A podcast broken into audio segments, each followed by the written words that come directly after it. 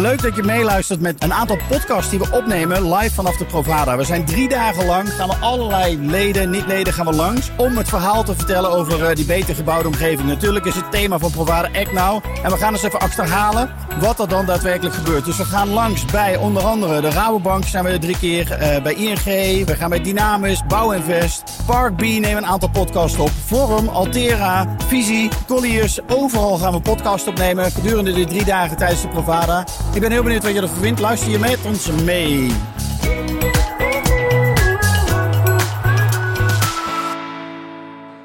Ja, we zijn op de Provada. Dit is de derde dag en we staan op de stand van, eh, van Colliers. En we zijn met eh Madeleine eh, Buis en Arjan van Eyck. Welkom. Ja, welkom. Dank je. Hoe is het met jullie? Goed. Na tweeënhalve dag. Nou, het zit er bijna op, hè? Ja, Ja. intensief, dagen, eh, ja, maar- intensief, ja. wel heel dynamisch. Dus er gebeurt van alles. Het is super druk. Ehm, heel veel inhoudelijke gesprekken, ook over ESG. eh, duurzaamheid, dus dat, ja, heel positief. ja. En voor jou?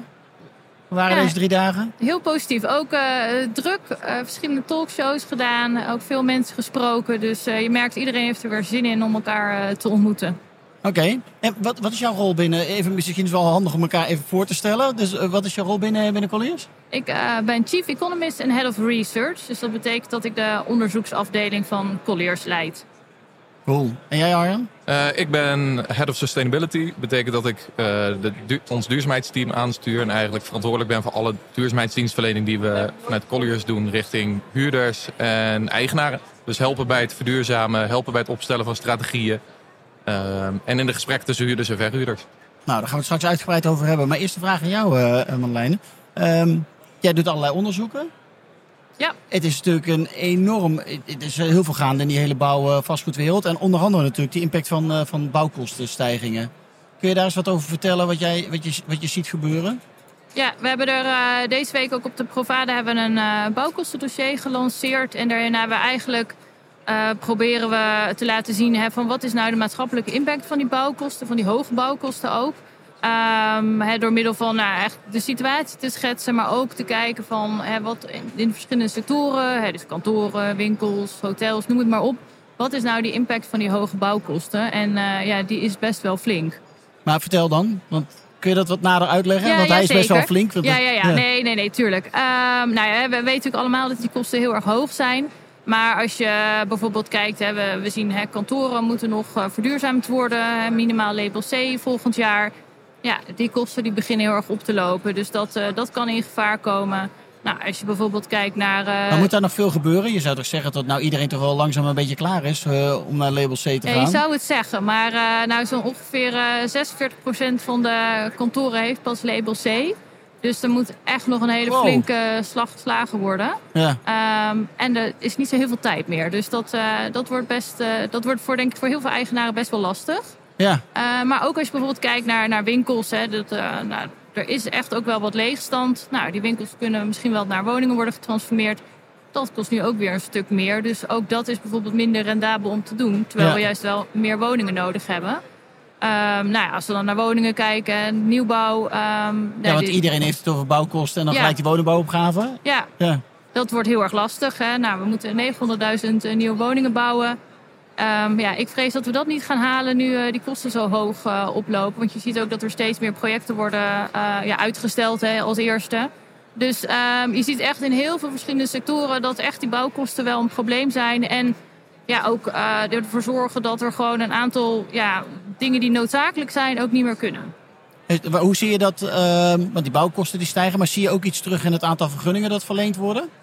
Ja, die zie je inmiddels wel, eh, wel licht afnemen. We zaten een beetje op zo'n plateau van nou, 72.000, 73.000 eh, voor, voor zoveel dat aantal nieuwe jaar? woningen per jaar. Inderdaad werden de vergunningen afgegeven. Ehm, nou ja, dat, dat is al te weinig. Eh, maar nu zie je dat eigenlijk heel langzaam eh, gewoon verder afnemen. Dus ja, de verwachting is ook dat, dat we die aantallen ook niet meer gaan halen nu die eh, bouwkosten zo hoog zijn. Wat zou jouw tip dan zijn aan onze minister Hugo de Jonge? Want die wil wel. Je zegt Ja. net zelf, we moeten inderdaad 900.000 woningen bouwen. Ja. het waren er een miljoen, er zijn er 100.000 af, dus Ja. het gaat hard. Je gaat eh, goed, goed, zou je dan zeggen. Ja. Maar goed, 900.000 is, nog steeds, eh, is nog steeds een hele hoop. Nou ja, wat ik ook zou zeggen, ook kijk ook gewoon naar... ehm, waar kunnen we in kosten besparen? Want nou ja, die bouwkosten die zijn hoog, dat is een beetje een gegeven. Ehm, de, de verkoopprijzen zijn ook heel erg hoog. Ehm, nou, bouwers moeten ook nog ergens een marge halen. Dus misschien moeten we iets bijvoorbeeld aan grondprijzen doen. Ehm, hè, moet je er toch voor zorgen dat ergens toch ehm, ja, die woningen gebouwd moeten blijven worden. En is industrialisatie dan ook een oplossing? Want dan zie je natuurlijk ook heel veel bedrijven, Ja. eh, zeker die bouwbedrijven, die allemaal fabrieken aan het bouwen zijn Ja. om sneller en efficiënter te kunnen bouwen. Nee, ja, oh, hè, dat, dat, is, dat is zeker een oplossing. Dat is natuurlijk wel een lange termijn oplossing. Want je, eh, je ziet die fabriek, ja, dat, moet, dat heeft ook een soort opstartfase nodig. Maar dat, dat zorgt natuurlijk uiteindelijk voor dat hè, er, er minder verspilling is, eh, de kosten omlaag gaan, er sneller gebouwd gaat worden. Dus daar zit zeker wel een antwoord, maar dat is niet voor morgen geregeld. Nee. Nou, zien we het dan somber in? Nou, Waar kijk, je moet ook altijd proberen om ergens nog wel een kans natuurlijk eh, Precies, te waar zien. is die? eh, en kijk, wat ik in ieder geval het, het, het, het mooie of het, nou ja, het goede aan deze situatie vind, is dat we- alle nieuwe grondstoffen die we gebruiken in de bouw, die zijn nu een stuk duurder. Dus nou, misschien moeten we eens wat verder gaan kijken naar circulaire bouwmaterialen, hè, naar het hergebruik van bouwmateriaal. Nou, dat was normaliter altijd een stuk duurder dan ja, dat de nieuwe kwam niet uit. grondstoffen. Ja. Dat kwam niet uit. Nou ja, dat beweegt natuurlijk nu wel weer een stuk dichter naar elkaar toe. Dus is het ook een wat alt- aantrekkelijker alternatief geworden. Dus ik dus die denk dat dat. materialentransitie die heeft er misschien baat bij. Ja, Ja. en dat is denk ik dan in ieder geval nog een nou ja, mooie ja, ontwikkeling hè, eh, in deze toch wel lastige situatie. Ja. Ja, het, het mooie is bijvoorbeeld dat in de advisering richting retailers voornamelijk, dus de gesprekken die we met hen hebben, ehm, was circulariteit eigenlijk altijd een soort ondergeschoven kindje. Het ging met name over energiereductie. Terwijl als je ziet dat de retailsector eens in de vijf jaar die totale fit-out eruit trekt, dus van cementdekvloer tot stellingen, echt alles wordt Alles vernieuwd. ja. Het moet weer het modernste van het modernste worden. Dat is niet langer vanzelfsprekend. Dat wordt ook steeds meer een thema om te, te zien van ja, moet die dekvloer er wel uit? Moeten we alles wel eruit slopen? En moeten we niet alles eh, juist circulair gaan ontwerpen? Want ja, als we alles er nieuw inzetten, ja, dat, dat kost ook een stuk meer dan dat het voorheen deed. Dus het loont ook steeds meer de moeite om te kijken naar circulariteit en het hergebruik van materialen. Eh, en het aanpassen van je ontwerp daarop. Als je daar goed rekening mee houdt, dan, dan kan je en je footprint verkleinen. En op financieel eh, eh, vlak de goede afweging maken. Dus dat Ja, dus- gesprek verandert wel. Ja, dat is natuurlijk echt heel gek hè, dat wij elke, elke vijf jaar denken, nou het moet nu helemaal anders. Dat is natuurlijk echt, echt heel erg zonde dat nog van van deze tijd? Ja. Ja. Dat zie je dus wel snel veranderen. Ja. En eh, nou, het is natuurlijk heel vervelend dat de aanleiding is, hè, net zoals de stijgende energiekosten, is allemaal een zeer pijnlijke eh, eh, situatie. De oorlog in Oekraïne en, en alle Ja. eh, globale ontwikkelingen die plaatsvinden daarin. Maar je ziet wel dat een van de effecten is dat, dat bedrijven heel anders gaan kijken naar energiereductie. Retailers die voorheen niet eens keken naar zonnepanelen, want de terugverdientijd was te lang. Ja, daar is intern op dit moment enorm veel druk om die zonnepanelen tot zo snel mogelijk erop te leggen. Eh, want ja, nu kan het ineens uit. Sterker nog, het wordt een risico om, om die doet. energie duur in te blijven kopen. Ja, precies. Ja. Ehm, dus ja, dat is denk ik een van de eh, eh, positieve effecten Ja. eh, van de huidige situatie. Dat zie je natuurlijk ook bij particulieren. Hè. Volgens mij als je nu zonnepanelen wil, dan eh, ben je over een jaar of anderhalf jaar aan de beurt. ja, volgens mij is het niet makkelijk. Nee, Nee. Nee. Maar ja, die hele switch inderdaad, de bouwkostenstijging, nou, wat jij al zegt Arjan, we hebben natuurlijk die oorlog in Oekraïne, die heeft natuurlijk ook heel veel Ja. inzet eh, gegeven om anders te, te gaan denken. Ik denk, en ik ben het met je eens inderdaad, dat er wel iets gebeurt in mindset van, van, van mensen. Maar die mensen werken ook bij bedrijven. En die bedrijven nemen natuurlijk dat ook over om te gaan veranderen. En om anders na te gaan denken over een beter gebouwde omgeving. Ja, wat dat dan is, daar kun je natuurlijk op heel veel verschillende manieren invulling aan geven. Ja, ja, en dat is ook tegelijkertijd het risico dat je hebt over duurzaamheid. Maar wat bedoel je nou eigenlijk met duurzaamheid? Want Precies. we hebben het net al even over circulariteit gehad. Je kan het hebben over energiereductie, klimaatadaptatie. eh, ja, noem alle thema's maar op. Dus het, ja, het begint eigenlijk met de vraag, wat vind jij duurzaamheid? En, en wat, wat voor impact kan jij als bedrijf nou maken op dat vlak? Ehm, eh, eh, En hoe, help je, hoe helpen jullie daar bedrijven mee, zeg maar? Want jullie geven advies. Ja, dus we kijken altijd heel erg naar wat er überhaupt aan wetgeving op je afkomt. Hè? Want Ja, dat is natuurlijk ook een enorme driver. Ja, label C is maar pas het begin. Maar als je ziet wat er de komende jaren op ons afkomt. Ja, we hebben verschillende sessies gegeven over onder meer taxonomie, SFDR. Dat zijn termen die je tot vorig jaar eigenlijk nog bijna niet hoorde. Maar wat heel snel op ons afkomt. Sterker nog, vaak al actief is. Ja, Eh, ja, daar, ga je, daar moet je rekening mee houden überhaupt. Eh, dus daar kijken we eerst naar. Maar het is ook heel belangrijk om te zien van wat wil mijn stakeholder nou. En dat, dat kan een investeerder zijn, dat kan de bank zijn, dat kan jouw medewerker zijn of je klant. Ehm, En dan ga je vervolgens kijken, ja, welke impact kan ik daar nou in maken? Dus, dus kan ik me dan met name focussen op energiereductie, als daar mijn grootste winst ligt. Uh, of, of circulariteit. En, en welke ja, stappen wil ik daarin zetten de komende jaren? En hoe zet ik dat nou uit in een goede routekaart? Is dat ook verschillend per asset class dan? Jazeker. Nee, kantoor heb je het natuurlijk heel snel over simpelweg energiereductie. Maar ook een heel groot, uh, steeds groter wordend deel mobiliteit. Uh, want wagenparken worden steeds vaker elektrisch. En dan wordt heel vaak aan voorbij gegaan dat je natuurlijk dan ook de infrastructuur moet hebben om die auto's allemaal op te laden. Dus dat wordt ook een steeds groter thema. Uh, terwijl binnen de retail, we hadden het net al even over circulariteit bijvoorbeeld belangrijk wordt, maar ook klimaatadaptatie. Dus de bezoeker aan mijn winkelcentrum, uh, die krijgt op den duur steeds vaker te maken met uh, warme dagen. Dus, dus hittestress neemt in de, in de grote steden toe. Ja. dus hoe geef ik die bezoeker nog steeds die fijne ervaring van winkelen in mijn winkelcentrum? Zonder hem te confronteren met een uh, niet heel prettig verblijfklimaat met temperaturen van boven de 40 graden. Ja. Want ja, dan weet je één ding, dan blijft de consument weg, is je huurder niet blij. En dan staat die exploitatie steeds verder onder druk. Ja. Um, en zeker die kleine retailer uh, komt nu steeds verder, uh, verder voor de aandacht. Want die, ja, die, die, gaf tot voor kort altijd aan van ja, nee, energiebesparing, dat, dat vind ik allemaal wel prima. Maar zeker met die stijgende energieprijzen is dat gewoon iets wat zijn exploitatie onder druk zet. Ja. dus denk aan de bakker, denk aan de slager op de hoek. Die weet vaak niet zo heel veel van verduurzaming af. Maar die wil op dit moment echt wel verduurzamen. Omdat hij het gewoon voelt in zijn portemonnee. Uh... Direct. Ja. Uh, Ja, en, zeker en- zo'n bakker, die, uh, die verbruikt heel veel. ja, er zijn energie-intensieve bedrijven. En, en supermarkten hebben natuurlijk gewoon daar afdelingen voor. Die weten precies hoe ze zoiets moeten aanvliegen. En, en die zijn er echt al grote stappen aan het maken. Maar als jouw business gewoon is het, eh, het runnen van een, van een bakkerij... Ja, dan heb je wel andere dingen aan je hoofd. En dan wil je eigenlijk gewoon eh, aan de hand genomen worden. Dus, dus ja, de rol van eigenaren en beheerders... die wordt daarin gewoon heel anders. En wat moeten zij dan doen? Want moeten zij nog veel meer advies geven daarover om ja, de, de, de juiste stappen te maken? Moet je wel weten wat je moet doen. Zeker, zeker. Ja. Ja. nee, dus eh, eigenaren gaan ook steeds vaker dat gesprek aan. Zeker de grotere instituten. Eh, want die moeten de totale footprint van hun gebouw natuurlijk ook weer communiceren naar hun investeerders. Dus de, hen is er ook veel aan gelegen om die eh, footprint zo klein mogelijk te maken. Ja. Eh, maar het is heel arbeidsintensief natuurlijk. Eh, vandaar dat veel beheerders daar natuurlijk ook mee worstelen. Van hoe, hoe ga ik nou op een goede manier dat gesprek aan, ook met die kleinere retailer? Want je moet daar tijd aan besteden, aandacht aan besteden en follow-up. Ehm, en dat is de uitdaging waar we nu voor staan. Maar dat, dat belang van die huurder en die verhuurder, dat komt ja, op die manier wel steeds dichter naar elkaar toe. En dat, ja, dat Is dat stemt- positief wat jou betreft? stemt zeker wel positief. Ehm, risico is natuurlijk dat je naar elkaar gaat wijzen. Ja, want jij zou het toch doen? Jij zou het doen. En, Ja, en, en jij vindt het ook belangrijk, dus jij moet meedoen. Precies, precies. En, Ja. we proberen eigenlijk weg te blijven uit die sfeer. Eh, dus dus de, in, in de gesprekken die, nu, die wij nu hebben, eh, merk je ook wel dat die bereidwilligheid er zeker is. Ja, Eh, en dat ook steeds vaker gezien wordt, ja, het, het is niet alleen voor jou voordelig, maar ook voor mij. ja. En het gaat erom dat je die modus met elkaar weet te vinden. En niet direct eh, in, in huurbepaling en verzand. Maar eerst met het hebt over hoe gaan wij überhaupt toekomstbestendige winkel hier, eh, hier realiseren. ja. En eh, als we dan het hebben over ESG, iedereen heeft het over ESG ook ineens in, in vastgoedland. Dat is natuurlijk veel meer data gerelateerd. Ja, Dat- klopt. ESG is natuurlijk super breed. voor degenen die het niet kennen, E is voor environmental duurzaamheid. S voor social duurzaamheid. Dus dat, ja, dat is natuurlijk al super breed. En, en governance eh, is met name over hoe, hoe je je bedrijf inricht. Wat je beleid is op diversiteit. eh, eh, beloning van bestuurders en dat soort dingen.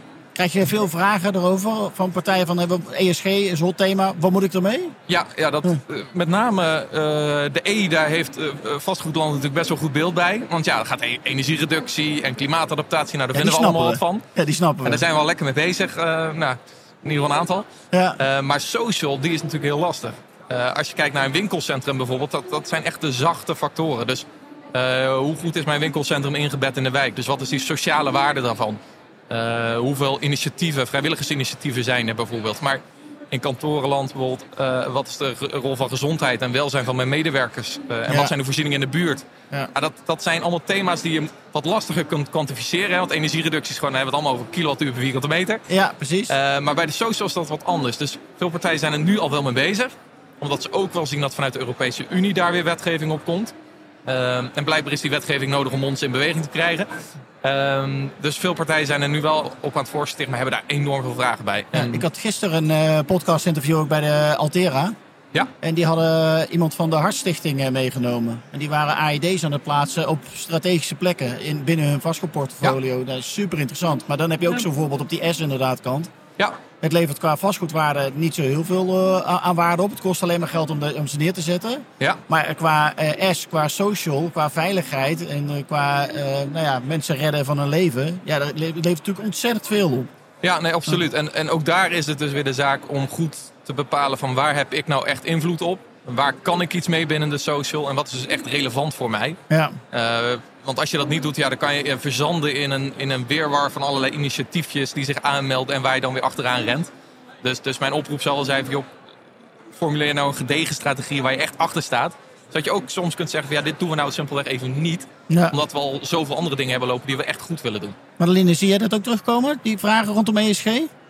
Ja, jawel. Nou, je ziet natuurlijk eh, in brede zin, hè, dat wordt steeds belangrijker. En ook eh, wat Arjen zegt, hè, die, die S, eh, social, het is best wel een lastig begrip. Ja. Maar uiteindelijk, hè, als we misschien ook de vertaalslag maken naar wat meer macro-economisch, naar bijvoorbeeld personeelstekorten. Die S wordt natuurlijk steeds belangrijker. Weet je, hoe ga je ook bijvoorbeeld met je personeel, met je medewerkers om? Hè? Hoe hou je die tevreden? Ja, Ehm, weet je, dat is natuurlijk in de huidige markt echt super belangrijk. Dus dat is denk ik ook, nou hopelijk dan ook wel weer een, een soort driver om dat ook veel serieuzer nog te gaan nemen. Eh, en meer eigenlijk in lijn te gaan trekken met de E die al echt, eh, nou, waar heel veel aan wordt gedaan. ja. Hey, waar zie jij de motivatie vandaan komen van, eh, van bedrijven? Is het een intrinsieke motivatie of is het meer de motivatie wat je net ook zei van die wet en regelgeving die eraan komt? Ja, ik denk, je wordt altijd geprikkeld door wat er in je omgeving gebeurt. Eh, daar hadden we het hiervoor eh, in de voorbespreking ook al even over. Je merkt dat... En wat bedoel je daar precies mee? Nou, natuurlijk, wetgeving is super belangrijk. maar je ziet natuurlijk ook steeds meer investeerders die hun achterliggende geldschieters eh, daar, daar steeds meer over horen. Dus ja, eh, achterliggende Pensioenfondsen Ja, die- pensioenfondsen die, die eisen van joh, ik wil dat jij actief bent op het gebied van ESG. En voldoet aan de volgende parameters. hè. De Europese Unie heeft natuurlijk ook een aantal standaarden gelanceerd, waaronder de taxonomie, die je daar echt wel handvatten in geeft. Ja, Ehm, je merkt dat daar heel veel prikkel vandaan komt. Maar vergeet vooral die eind, eh, uiteindelijk de klant niet. Dus dat is het winkelend publiek, de huurder in je winkelcentrum, ehm, de medewerker op jouw kantoor. Eh, de rol van duurzaamheid verandert daar echt in. En, en de medewerker, eh, zeker op de eh, betere kantoorlocaties, ja, die gaat er gewoon vanuit dat duurzaamheid goed geregeld is. En dat je daar een, een, een gedachte bij hebt. en Dat je daar een actieplan op hebt. ja. Ehm, dus dat zijn verschillende kanten waar, waar, waardoor de druk ontstaat. En, en het is heel mooi om te zien dat dat ook door de markt heen zijpelt. Hè? Want het pensioenfonds begint erover. Ja, dan, dan integreert een investeerder als Altera dat natuurlijk ook in zijn eh, strategie. Maar die zegt vervolgens ook tegen een ontwikkelaar... Van, ja, ik wil dat je voortaan dit product gaat leveren. Want dat is voortaan wat ik wil gaan inkopen. ja. En, en zo werkt dat door de keten. Want ja, die ontwikkelaar legt dat ook weer verder als prestatieafspraak. En, en zo eh, hopelijk krijgen we die markt steeds verder in beweging. Dus samenwerking is ook heel belangrijk dan. Samenwerking is essentieel. Je merkt het ook in contacten tussen verhuurders en huurders. Je kan allebei los van elkaar een strategie hebben. Als je dat niet met elkaar samen gaat uitvoeren en daar geen afstemming over hebt, ja, dan kan je elkaar zelfs in de weg zitten bij het behalen van je doel. En dat moet je absoluut voorkomen. Is dat ook iets wat, wat belangrijk is vanuit Colliers? Om met verschillende partijen samen te komen? Op dit vlak en kennis en informatie met elkaar uit te delen? Ja, Wisselen? zeker. En ik denk, weet je, dat is ook, hè, natuurlijk hier op de Provada is natuurlijk ook wel echt een eh, uitermate geschikte eh, nou ja, eh, plek om, om dat te doen. Hè. We zijn ook heel erg actief natuurlijk in, in verschillende kennissessies. Dus dat is juist echt inderdaad de samenwerking, dat is echt cruciaal. En dus inderdaad, hè, niet ook op, op, in een afdeling blijven van, oh wij lossen het wel op. Maar dat echt hè, ehm, tussen de verschillende afdelingen, tussen de verschillende beroepsgroepen, eh, eigenaren, huurders. Dat is echt heel erg belangrijk, ja. Ja, ze hadden gisteren nog een eh, talkshow georganiseerd, juist hier op de Provada voor mensen die denken van, hé, maar hoe zit het nou tussen die relatie, met die relatie tussen huurders en verhuurders? Eh simpelweg het uitnodigen van die huurders en verhuurders op het, eh, op het podium om ze maar eens te laten praten van waar loop ik tegenaan, wat werkt wel, wat werkt niet, wat verwacht ik van die verhuurder of huurder. Eh, ja, het- het was heel leuk om te zien hoe dat gesprek tussen een HEMA, een Albert Heijn, eh, maar ook tussen juist kantorenpartijen, hoe dat, hoe dat, hoe dat verliep. Ja, En- dus jullie brengen ze ook gewoon fysiek gewoon bij elkaar. Absoluut, ja. En, Ja. en juist dat gesprek met elkaar voeren, eh, ja, dat is super belangrijk. maar los van dat gesprek ook die gezamenlijke initiatieven gewoon gaan nemen. Ja, ja, en daar zie je dan ook, hè, dat zijn dan eh, misschien ook mensen dus, eh, van, die, die meer in de kantorensector actief zijn, mensen die in de winkelmarkt actief zijn. Ook die zien weer van, oh, hè, daar eh, spelen dit soort problemen ook. Of zij hebben dit, hè, die oplossing. Dus je ziet ook dat er tussen die sectoren, eh, dat daar ook weer heel veel te leren valt eh, van elkaar. ja welke, wat voor initiatieven die jullie gezien hebben in het verleden... dat je denkt van, nou, dat, dat is nou echt gaaf dat dat nu gebeurt. En dat zou meer moeten gebeuren, of dat, dat willen we uitvinden. En dat, uh... Nou, toevallig een, een, initiatief dat gisteren voorbij kwam. En dat was onder meer ook met Altera, maar ook met, uh, met Albert Heijn. Die hebben in de samenwerking gewoon ervoor gekozen om een van de winkelcentra uit te rusten met zonnepanelen en een lokale batterijopslag. Uh, wat tot voor kort ja, niet echt mogelijk werd, uh, werd geacht. Hè. Dat was toch veel te duur en dat was toch veel te lastig. En dat was allemaal ja, heel moeilijk. hele dunne zonnepanelen. En er was alleen maar zonnepanelen, geen ja, batterij. De zonnepanelen en de rest ging terug het net op. Ja, daar moet je nu toch iets mee, want het, het ja, net, net kan niet aan. Ja. Maar dat moet je wel in de samenwerking doen. En het is heel mooi om te zien dat dat, dat soort partijen elkaar steeds beter weten te vinden. En, en echt die mooie initiatieven samen opzetten. Um, want ja, uiteindelijk draait het er wel om dat je, dat je toewerkt naar een uh, klimaatbestendige portefeuille. Ja, Mooi. Ja, en uiteindelijk zal, natuurlijk ook, hè, zal ook de waarde van hè, de, de, niet duurzame gebouwen natuurlijk ook wel onder druk komen te staan. Dat, uh, dat is ook echt wel de verwachting. En dat zie je natuurlijk hè, als huurders alleen maar in die duurzame gebouwen willen zitten. Ja, dan, uh, dan, dan je, met je niet duurzame gebouwen. Uh, ben je, je vrij kansloos. Ben je vrij kansloos, ja. Ja, precies. Ja. Dan, dan wordt het lastig om die huurder te trekken. Hey Arjan, en, uh, nou ja, wat, wat zou je nog de komende vijf jaar, zeg maar, want het wordt echt natuurlijk een enorme opgave die we moeten gaan doen. Wat is nou het belangrijkste advies dat jij mee wil geven aan, aan vastgoedeigenaren om, om te gaan doen? Waar begint het? Zorg dat je duidelijk hebt wat je de komende 10, 20, 30 jaar wil gaan bereiken. Uh, wat betekent dat nou voor mijn portefeuille? Wat komt er af? Wat, wat, ja, waar, waar, moet ik mee aan de slag? Dus een helder plan? Ja, maar vertaal dat ook alsjeblieft naar acties die je vandaag al kan zetten. Oké. Okay. Uh, want wat je heel snel merkt is, we schrijven een heel mooi plan op. En daar zijn we allemaal hartstikke enthousiast Super trots op. Hartstikke trots op. ja. uh, en maar uiteindelijk weet de huurder niet wat ik van plan ben. Mijn beheerder weet het niet. Um, Oké, okay, uh, dus deel dus het ook. Deel het ook, maar hang er ook concrete acties en verwachtingen aan. Uh, want door het op te knippen in kleine behapbare stapjes... kun je dus ook al rekening houden met wat je in de toekomst wil bereiken. Dus begin daar allereerst mee. Uh, maar integreer dat echt in elk werkproces wat je hebt. Dus, dus voor een investeerder hou er rekening mee in je asset management. In de, in de, in de acquisitiecriteria die je aanhoudt. In de ontwikkelingsprojecten die je doet. Um, daar kan het enorm complex van worden. Zou dat, ja, daar moet je altijd uh, voor opletten. Maar het is belangrijk dat het in ja, de haarvaten van ieder bedrijf komt te zitten. En bij iedere activiteit die je onderneemt, dat je jezelf afvraagt: van, is dit het, nou het duurzame alternatief? Of kunnen we het nog beter doen? Ja. Zie je ook vanuit de, nou ja, de, de proptech kant, waar wij ook met name mee bezig zijn, zie je allerlei nieuwe initiatieven en nieuwe oplossingen ook de markt op komen al? Nou, het is wel opvallend. Een van de. Nou, de vorige Provada was dat ook wel enigszins, maar deze keer zeer. Uh, de, de, de, hoeveelheid technische oplossingen op het vlak van de ESG is werkelijk overweldigend. Als je ziet hoeveel partijen hier rondlopen die op het gebied van techniek, op het gebied van data, op het gebied van uh, inzichten, uh, allerlei nieuwe producten aan het ontwikkelen zijn, dan zie, dan zie je dat het enorm aan het versnellen is. Ja. Uh, het risico is dat je een soort wildgroei krijgt van allerlei initiatiefjes, maar misschien hoort het ook bij de fase waar we nu in zitten hoor. Ja, dat denk ik ook. Um, ja. en, en dat zal vast wel goed komen, dat zal elkaar gaan vinden en een aantal zullen er wegvallen. maar ik merk dat dat enorm aan het versnellen is. risico is dat je dus blind staat op data. Data is essentieel om te gaan verduurzamen, maar laat je er als, alsjeblieft niet door, ook vooral niet door afleiden. Ga voornamelijk ook aan de slag. Ja. Uh, maar het is heel goed om op basis van data uh, je voortgang te monitoren, tijdig in te grijpen en, en te zien van waar kunnen wij nog meer impact maken. Uh, maar die rol van data die is groter dan, dan ooit tevoren, denk ik. Ja, ja Madeline, wat, wat voor soort onderzoek zou jij nog het liefst willen doen? Waarvan je zegt van nou, daar heeft de sector echt wel behoefte aan als we daar eens even wat meer induiken om nog wat meer kennis toe te voegen. Nou, dan denk ik dat het ook wel op de weet je, onderzoek over de woningmarkt uh, is. Uh, omdat je merkt, weet je, daar er komt nu zoveel regelgeving op af. Uh, er is zoveel onzekerheid. Weet je, hoe kunnen we eigenlijk hè, die woningbouw, hoe kunnen we dat gewoon voortzetten? Op een hè, manier dat je inderdaad gewoon ook nog betaalbaar kan bouwen. Um, en in ieder geval dat we genoeg woningen kunnen blijven toevoegen. Want ik denk dat dat wel echt een van de nou ja, grootste problemen in het vastgoed is op dit moment. Ja, en ook wel misschien wel voor de juiste type uh, mensen dan. Zeker, ja. Nee, zeker. Zijn dat, het seniorenwoningen of zijn het jongerenwoningen? Ja. Ja. ja, wat voor type, waar gaan we ze bouwen? Nee, daar is denk ik nog wel uh, heel wat toe te voegen. Nou, ik uh, dank jullie wel voor dit gesprek allebei. Madeleine, en, Madeline Buijs en Arjan van, van Eyck. Ik wens je nog heel veel... Ja, het is nog maar een paar uur en is het afgelopen. Klopt. Ga je nog iets leuks doen op Provada? Of, misschien nog even naar de borrel, denk ik. Nog één borreltje? Ik denk dat ik nog één rondje loop, want ik heb eigenlijk nog niet het hele Provada terrein gezien. Dus ik, eh, ik ga toch nog even wat stands opzoeken die ik nog niet heb eh, kunnen zien. En uh, nou, daar gaan we er nog een paar mooie uren van maken.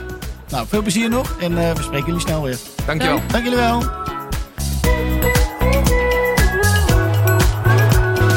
Dankjewel voor het luisteren naar deze podcast die we hebben opgenomen tijdens Provada 2000. 2022. Ik hoop dat je andere afleveringen ook gaat luisteren. Maar ik hoop dat je natuurlijk ook een keer naar ons clubhuis komt in Amsterdam. Waar wij om de twee weken een masterclass organiseren over verschillende onderwerpen. Maar ook altijd op de eerste vrijdag van de maand een draait door show maken. Een echte tv-show met publiek aanwezig. Waarbij we natuurlijk borrels organiseren. Zodat mensen elkaar kunnen ontmoeten en netwerken met elkaar. Zodat er een beter gebouwde omgeving gecreëerd kan gaan worden. Ik hoop je snel te zien. Of in ieder geval online of fysiek. En ik wens je nogmaals een hele fijne dag toe. Tot snel!